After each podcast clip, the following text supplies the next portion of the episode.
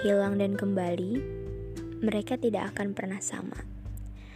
Ada yang bertemu lagi saat sudah berganti warna, bisa jadi mereka lebih cerah dan terang, atau malah sebaliknya.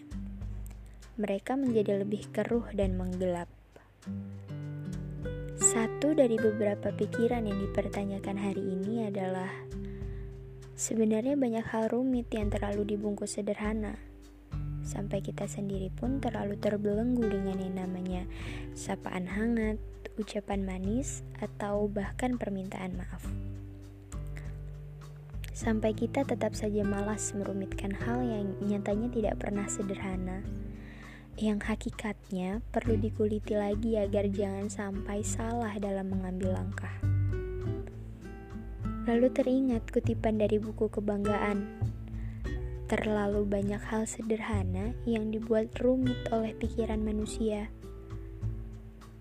Masalah kecil terlalu dibesarkan, yang sejatinya tidak ada malah diada-adakan. Yang sudah tahu sebenarnya tidak bisa, malah sengaja dipaksakan. Untuk yang ini, hal yang paling mudah dianalogikan adalah perihal perasaan.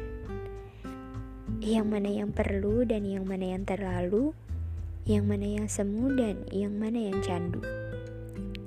Jika sudah begini, bagaimana seharusnya?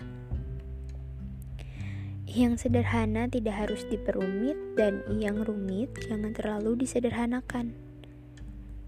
Di antara keduanya seperti terdengar bertolak belakang, padahal sebenarnya sejak awal pun tidak ada yang pernah salah atau benar.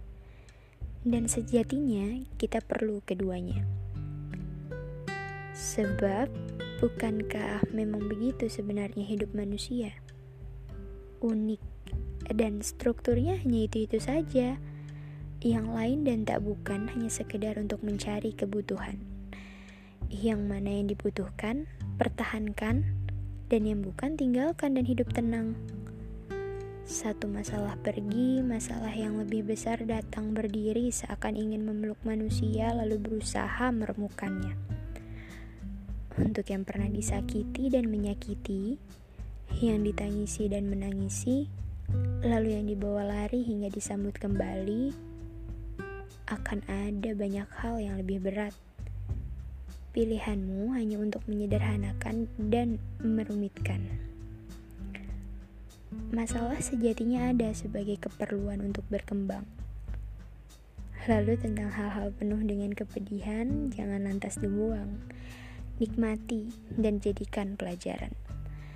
Di mana pun dan sampai kapan pun, agar kita semua bisa selalu terikat dengan masanya.